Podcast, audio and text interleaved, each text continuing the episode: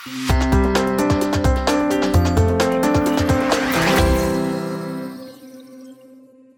er valg til Europaparlamentet i maj 2019. Vi præsenterer inden fire kandidater, en fra Socialdemokratiet, en fra Venstre, en fra Radikale Venstre og en fra Alternativet. Velkommen til dig, Morten Klessen. Tak. Og velkommen til seerne. Morten Klessen, 49 år, far til fire, bor i Birsted med sin kone og børnene, og har været skolelærer før i tiden og været uddannet befalingsmand i flyvevåbnet, og arbejdede med truede børn i Brønderslev Kommune, skiftede til sportschef i Fortuna Jørgen, kvindefodbold, og det er der, du er nu i OB, ikke også? Præcis, ja. Ja. Hvorfor skifter du nu byrådet i Jammerborg Kommune ud med at blive kandidat til Europaparlamentet? Ja, nu har jeg været i kommunalpolitik i, i 13 år nu, og ikke fordi det kommunalpolitik keder mig, men øh, jeg kunne godt tænke mig at prøve at komme ud og prøve mine politiske evner i en, øh, i en anden kontekst, og som lokalpolitiker er du heller ikke, kan man sige, fuldtidspolitiker. Det vil du blive her, og øh, jeg tænker, at det kunne være en rigtig spændende oplevelse at prøve at komme ud og opleve øh, min, mine politiske evner i en øh, international kontekst. Ja. Hvad er så din øh, mærkesag som kandidat til Europaparlamentet? Jamen, der, der er mange mærkesager. Du det, nævner et par stykker. Ja, men vi kan jo sige, vi har jo et, et Europa i opbrud. Vi har jo et, et Europa i en identitetskrise. Så der ligger jo nogle, nogle, nogle, nogle helt åbenlyse udfordringer i forhold til at få skabt noget, noget solidaritet i Europa. Øh, fordi vi står ud for, eller over for nogle, nogle, nogle store øh, udfordringer øh, på migrationsområdet, på klimaområdet osv. Øh, men helt lokalt er der jo nogle, nogle ting, eller regionalt, som jeg selvfølgelig brænder for i forhold til øh, social dumping. Ja, det må du gerne præcisere. Jamen altså, det vi ser nu, det er, at vi har et, et arbejdsmarked i Danmark, der er presset af udlands arbejdskraft. Øh, man kan sige, at Europas største succes i forhold til de åbne grænser er blevet en udfordring på arbejdsmarkedsområdet. I det vi ser, at, at øh, der kommer virksomheder ind, eller uorganiseret arbejdskraft, som, som går ud og, og presser pris i forhold til, øh, i forhold til hvordan man, man behandler sine medarbejdere, både i forhold til løn, men også i forhold til arbejdsvilkår. Så det er en, det er en mærkesag for mig.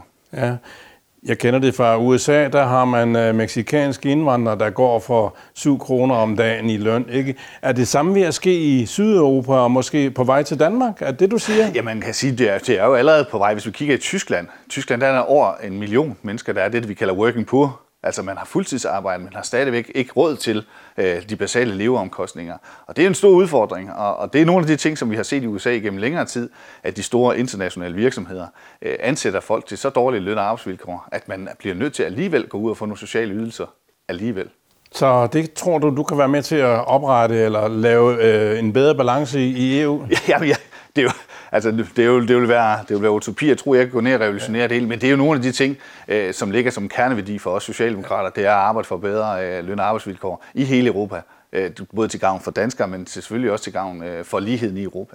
Skal Danmark nu også være med til at skal vi sige, forbedre øh, øh, den fælles EU-flygtningepolitik og samarbejde omkring øh, indvandrere og flygtninge Ja. Ja, det er jo nødvendigt. Altså, vi bliver jo nødt til, altså, det, det, det ligger jo i forhold til, at, altså, hvis vi skal have åbne grænser, så bliver vi nødt til at have styr på vores ydre grænser. Og det er jo en af de store spørgsmål, som, som kommer op i de kommende år. Så, hvordan får vi styr på de ydre grænser?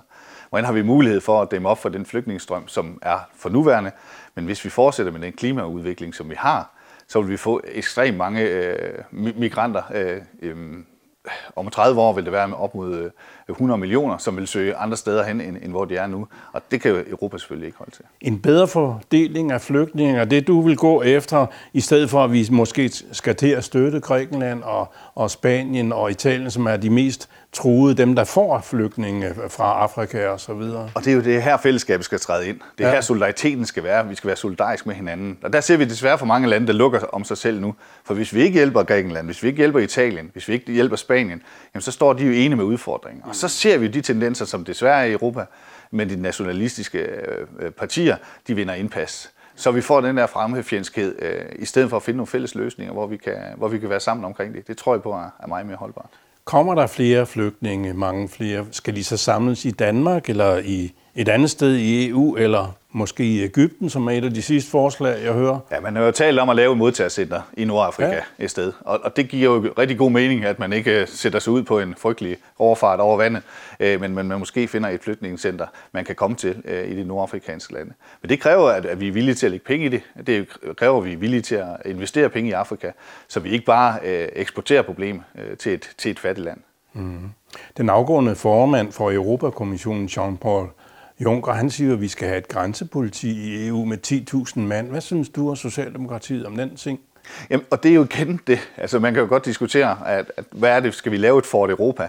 Det er vi jo ikke interesseret i, men, men umiddelbart bliver vi nødt til at styrke vores, vores ydergrænser. Mm. Hvis vi ikke styrker vores ydergrænser, så, så får vi det, vi ser nu, netop at, at nationerne lukker grænserne og lukker sig selv om sig selv. Og det har vi ikke råd til. Så derfor bliver vi nødt til at investere i de ydergrænser. Og det kan være politi jo. Så du går ind for en solidarisk øh, EU-flygtningepolitik? Ja, helt sikkert. Ja, godt. Hvad siger du til dansk klima- og miljøfremtid? Vi har jo en minister, som heller vil hedde klimaminister, en landbrugsminister har bidt mig mærke i, Jakob Ellemann ja. fra Venstre, ikke? Jo, men vi det er kan... en vigtig sag. Jamen, det er det. Og vi taler meget grøn omstilling. Og man kan sige, at i Folketinget nu bliver det talt rigtig meget grøn omstilling. Øh, men for mig er det rigtig vigtigt, at vi handler på det. Det er fint, at vi laver en grøn omstilling for 5,5 millioner i Danmark. Men en grøn omstilling for 550 millioner europæere vil give langt større, øh, langt større mening og, og give langt større øh, hvad hedder, slagkraft, øh, hvis, hvis vi virkelig skal flytte noget på, på klimaområdet. Mm. Så nytter det jo ikke noget, at man går den vej, som Tyskland går lidt nu. Altså man, nu nedlægger man sine A-kraftværker, og så begynder at starte brunkulsværker rundt ja. øh, i, i Tyskland. Det vil jo være et kæmpe slag for vores forsøg på at nedbringe CO2'en. Så det er rigtig vigtigt, at vi snakker alternativ energi og alternativ omstilling. Hvordan er det, vi kan udnytte øh, vores energi? Det kan godt være, at der blæser rigtig meget heroppe i Nordjylland, så laver vi rigtig meget vindenergi. Mm. Men solen den skinner ned sydpå, så kunne det være, at de skulle lave noget, noget solenergi, og på den måde lade, lade energien strømme på tværs af grænser. Ja. Tyskerne går vel også til noget, andre vil kalde ekstremer. De vil til at forbyde dieselbiler i, i store byer, ikke? Og, og ja, for, forbyde køerne, der prutter og laver CO2. Ja. Ikke? Altså, det vil da skabe noget øh, ramaskrig ja. i dansk landbrug, hvis det kommer ja. hertil. Det er rigtigt, og der, der, er jo mange, der er jo mange snakke om, når, når vi snakker det der i forhold til, om skal vi spise mindre oksekød, i forhold til, hvor meget ja. Øh, prutter ude på markeren. Men jeg tror, det er rigtig vigtigt, for vi får kigge på den omstilling, vi kan gøre noget ved, netop ja. transport. Øh, hvis vi kigger på transport, og vi kigger på udvikling, så ligger udviklingen der teknologisk jo i forhold til, at vi kan godt øh, forlange, at øh, dem, der kører ind i byen, de skal køre i enten hybridbiler eller elbiler. Så vi ikke får det, det, det svineri i, i, i storbyerne.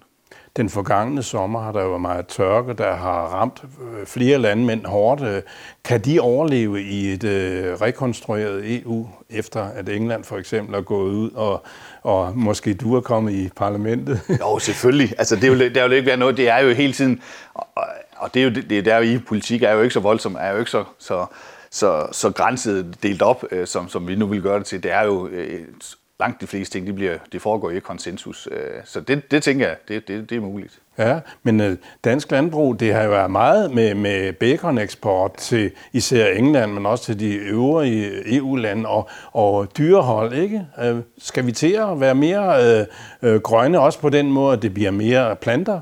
Der skal præge dansk landbrug, så kan det også være, at der bliver nogle nye kriser, vel, der skal tages vare om. Ja, det er klart. Altså, sådan er det, men vi har altid været omstillingsparate i Danmark, og jeg er sikker på, at landbruget også vil være i stand til at omstille sig til eventuelt nye, øh, nye, nye vilkår.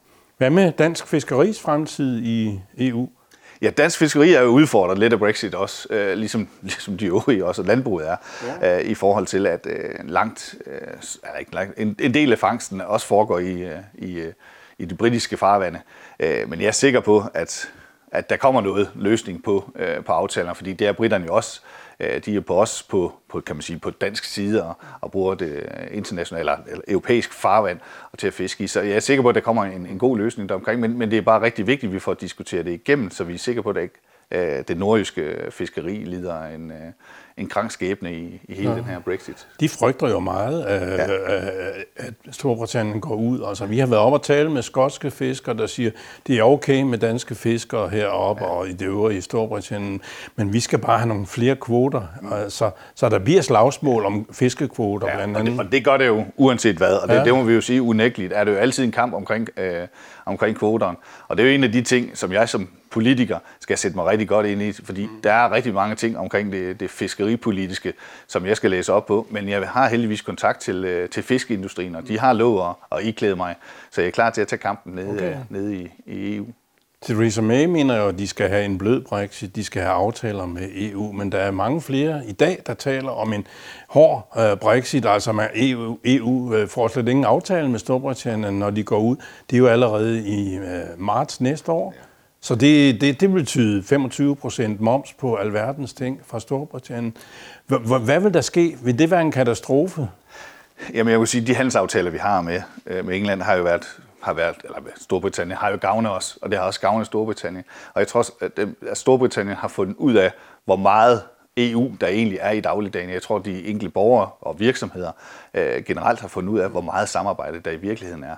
Så jeg har stadigvæk en, en god tro på, at man, man kommer frem til en, en fornuftig løsning, øh, så vi ikke bare får et clean cut, fordi det tror jeg absolut, Europa vil blive udfordret af, Danmark vil blive udfordret af, men ikke mindst Storbritannien vil blive voldsomt udfordret. Tror du altså på en blød Brexit, som man populært siger? Ja, jeg har næsten lyst til at sige, jeg tror ikke, der kommer en Brexit, uh, fordi at jeg er sikker på, at der kommer en ny folkeafstemning? Ja, jeg ved det ikke. Altså, der er så meget på, der er så meget på spil derovre. Man kan se, at den uh, folkestemning har ændret sig voldsomt uh, til, at der er 63 procent, der faktisk er for uh, EU nu.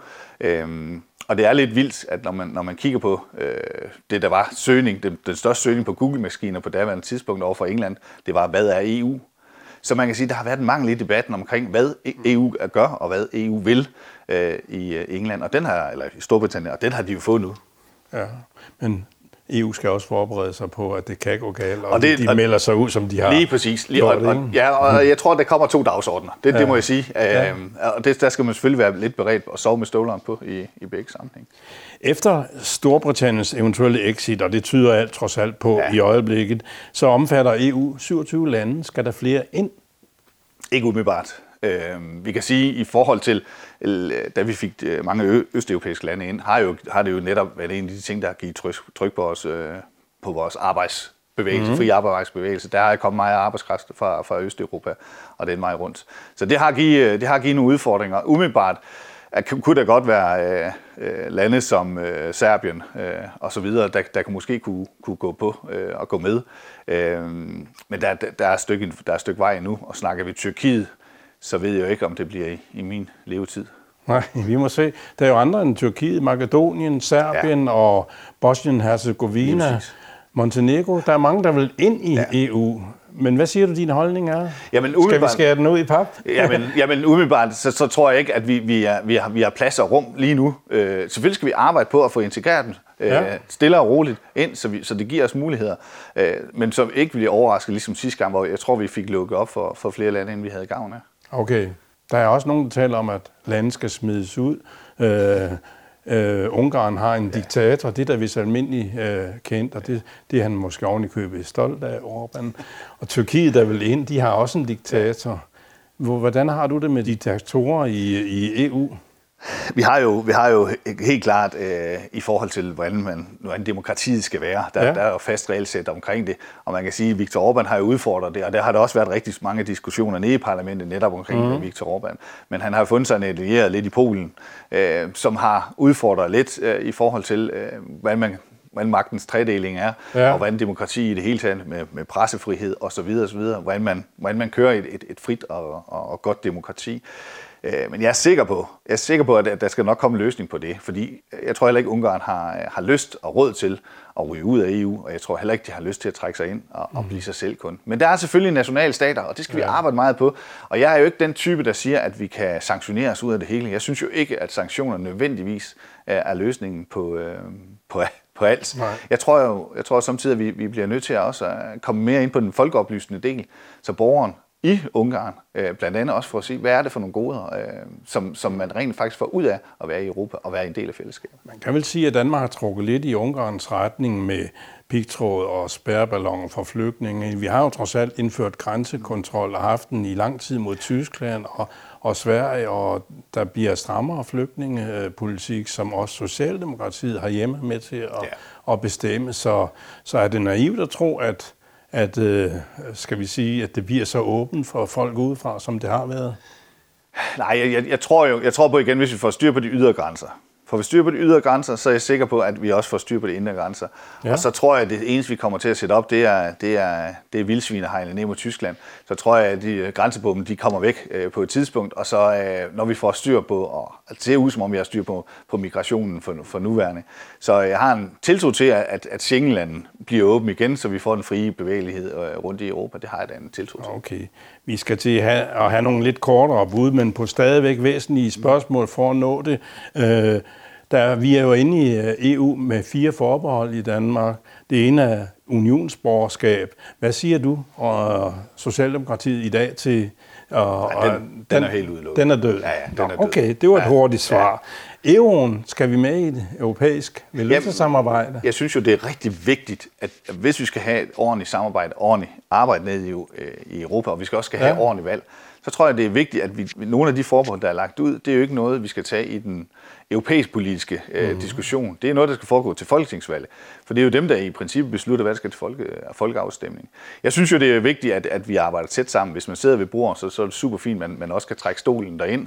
Men hvis der ikke er folkelig opbakning til det, så er det ikke nogen af de ting, vi skal arbejde med. Vil du gerne gå over til euro i stedet for danske kroner? Øh, hvornår har du sidst brugt en dansk krone? Nej, det kan du jo selvfølgelig spørge op retorisk, ja. Forsvarsområdet, hvad siger du og partiet, Jamen, Socialdemokratiet til det? Men det er jo igen lidt det samme. Hvis der ikke er folkelig opbakning til det, så, så er det jo håbløst spørgsmål at begynde at stille ud, fordi så får vi netop diskussioner ja. omkring nogle, nogle ting, som ikke er væsentlige i Europa. Er du tilfreds med, at vi har jo haft forbehold med retslige indre anlægner, og så vi var sagde nej til ja. Europol og politisamarbejde i Europa for nylig. Ja. Skal vi af med det forbehold? Og det igen, kan jeg sige, hvis der er folkelig opbakning til det, så synes jeg, det vil være fint at kigge okay. på det. Men det er jo ikke en diskussion, jeg synes, vi skal have, fordi Nej. så får vi rigtig svært ved at diskutere, hvad der er vigtigt i Europa. Ja. Hvordan ser du EU-administrationen i dag? Fordele og ulemper? Ja, men det er jo en koloss, ja. og, og så vil det altid være. Og der vil altid være noget øh, i, i sådan en koloss, som man siger, det, det kan godt blive bedre. Der kan godt blive bedre øh, i forhold til, hvordan øh, institutionerne, de europæiske institutioner virker, om det er, øh, om det er parlamentet, eller det er Europarådet, eller det er mm. kommissionen. Altså det, det er klart, det er en stor, det er en stor koloss, og, og, og de ting, der virker, skal vi arbejde videre med, og de ting, der ikke virker, mm. tror også, vi skal erkende og så sige, det må vi arbejde hen imod og få afskaffet. Mm. Sammenhold er vel vigtigt, når vi i dag har en præsident i USA for eksempel, der siger America first. Skal vi sige Europa first her i øh, EU? Jamen hvis vi holder sammen, har vi den største økonomi i verden. Øh, og, og vi må desværre sige, at, at det, der tæller her i, i verden, det er jo, det er jo penge. Ja. Men, men skal vi have en ordentlig klimadebat, hvis vi skal have en debat omkring uh, virkelig at flytte noget på det grønne område, så bliver Europa nødt til at stå sammen, fordi det er det eneste flagskib, der er vældig. Ja. Vi ved, at Donald Trump han ikke vil, og vi er også sikre på, at, at, at, at Kina og Putin heller ikke byder ret meget ind med det. Macron i Frankrig og måske også Merkel i, i Tyskland er begyndt at lufte tanker om, at Europa skal have sit eget forsvar, fordi Trump er, som han er. Ja. Øh, hvad, hvad siger du? Jo, og det, og det, kan, vel, det kan blive en lang debat øh, i forhold til, jeg er sikker på, at... Øh, at øh, Trump han er der ikke øh, de næste 25 år øh, i USA. Han er der så, kun 8. Ja, lige, lige præcis. Så jeg er sikker på, at, at, at det, skal nok, det skal nok løse sig ud i sig selv, inden ja. vi får smidt os ud okay. i alt for meget kaos. Hvordan vil I føre valgkamp, du og dit parti? Øh, fordi det er jo ikke startet endnu. Det er først nu, det starter, vel? Ja, præcis. Og, og, og det med valgkamp, det er jo også, hvem gider at høre. Øh, nu taler vi sammen i 20 minutter omkring det europæiske politiske. Det er meget svært at samle folk øh, til. Det er meget svært at få medieopmærksomhed omkring det. Og det kan risikere at drukne i valg. Det ja. ved vi ikke noget om i folketingsvalg. Og så bliver alt fokus på, øh, på folketingsvalget. Øhm, og det ved vi jo, og det er en, det er en konsekvens. Vi ved ikke, hvornår Lars Løkke han, øh, trykker på valgknappen og siger, at nu skal det være folketingsvalg. Er der noget om det, Niels Havsgaard siger, nemlig at folk kan bedre overskue den øh, store bagedyst og vild med dans afgørelserne end at stemme i EU? Ja, det er jo det. Men, men jeg, jeg, jeg tænker egentlig ikke, det er, det er svært at følge med i den, den store badedys. Vil man, vil man give lige så meget tid til at lytte til øh, det europæiske politiske øh, diskussioner, jamen så tænker jeg, at man kan blive godt informeret, ligesom man gør i bagedysten. Jeg kan ikke bage en kage med fondant, uanset om jeg har set programmet alligevel, og jeg kunne nok heller ikke øh, løse det hele den europæiske udfordring ved, ved, at, ved at lytte til, men jeg bliver trods alt oplyst. Morten Klessen, du skal have 30 sekunder til at fortælle om, hvorfor skulle folk stemme på dig, så du kommer i Europaparlamentet. Værsgo. De skal selvfølgelig stemme på mig, fordi at, øh, jeg som socialdemokrat vil bruge nogle af de socialdemokratiske værdier i forhold til lighed, i forhold til fællesskab, i forhold til solidaritet, til at løse nogle af de helt store udfordringer, som Europa står overfor, på klimaområdet, på migrationsområdet, på miljøområdet det er rigtig vigtigt for mig, at vi står sammen i fællesskab i Europa, hvis vi skal løfte, løfte, løfte de helt store udfordringer. Det er Socialdemokratiet garant for, og det er nogle af de ting, jeg vil arbejde rigtig meget på. Tak til Morten Klissen. Det var Socialdemokratiets øh, EU-kandidat. De tre andre, vi præsenterer i andre udsendelser, er fra, fra Venstre, fra det radikale Venstre og fra Alternativet. Tak for nu og på gensyn.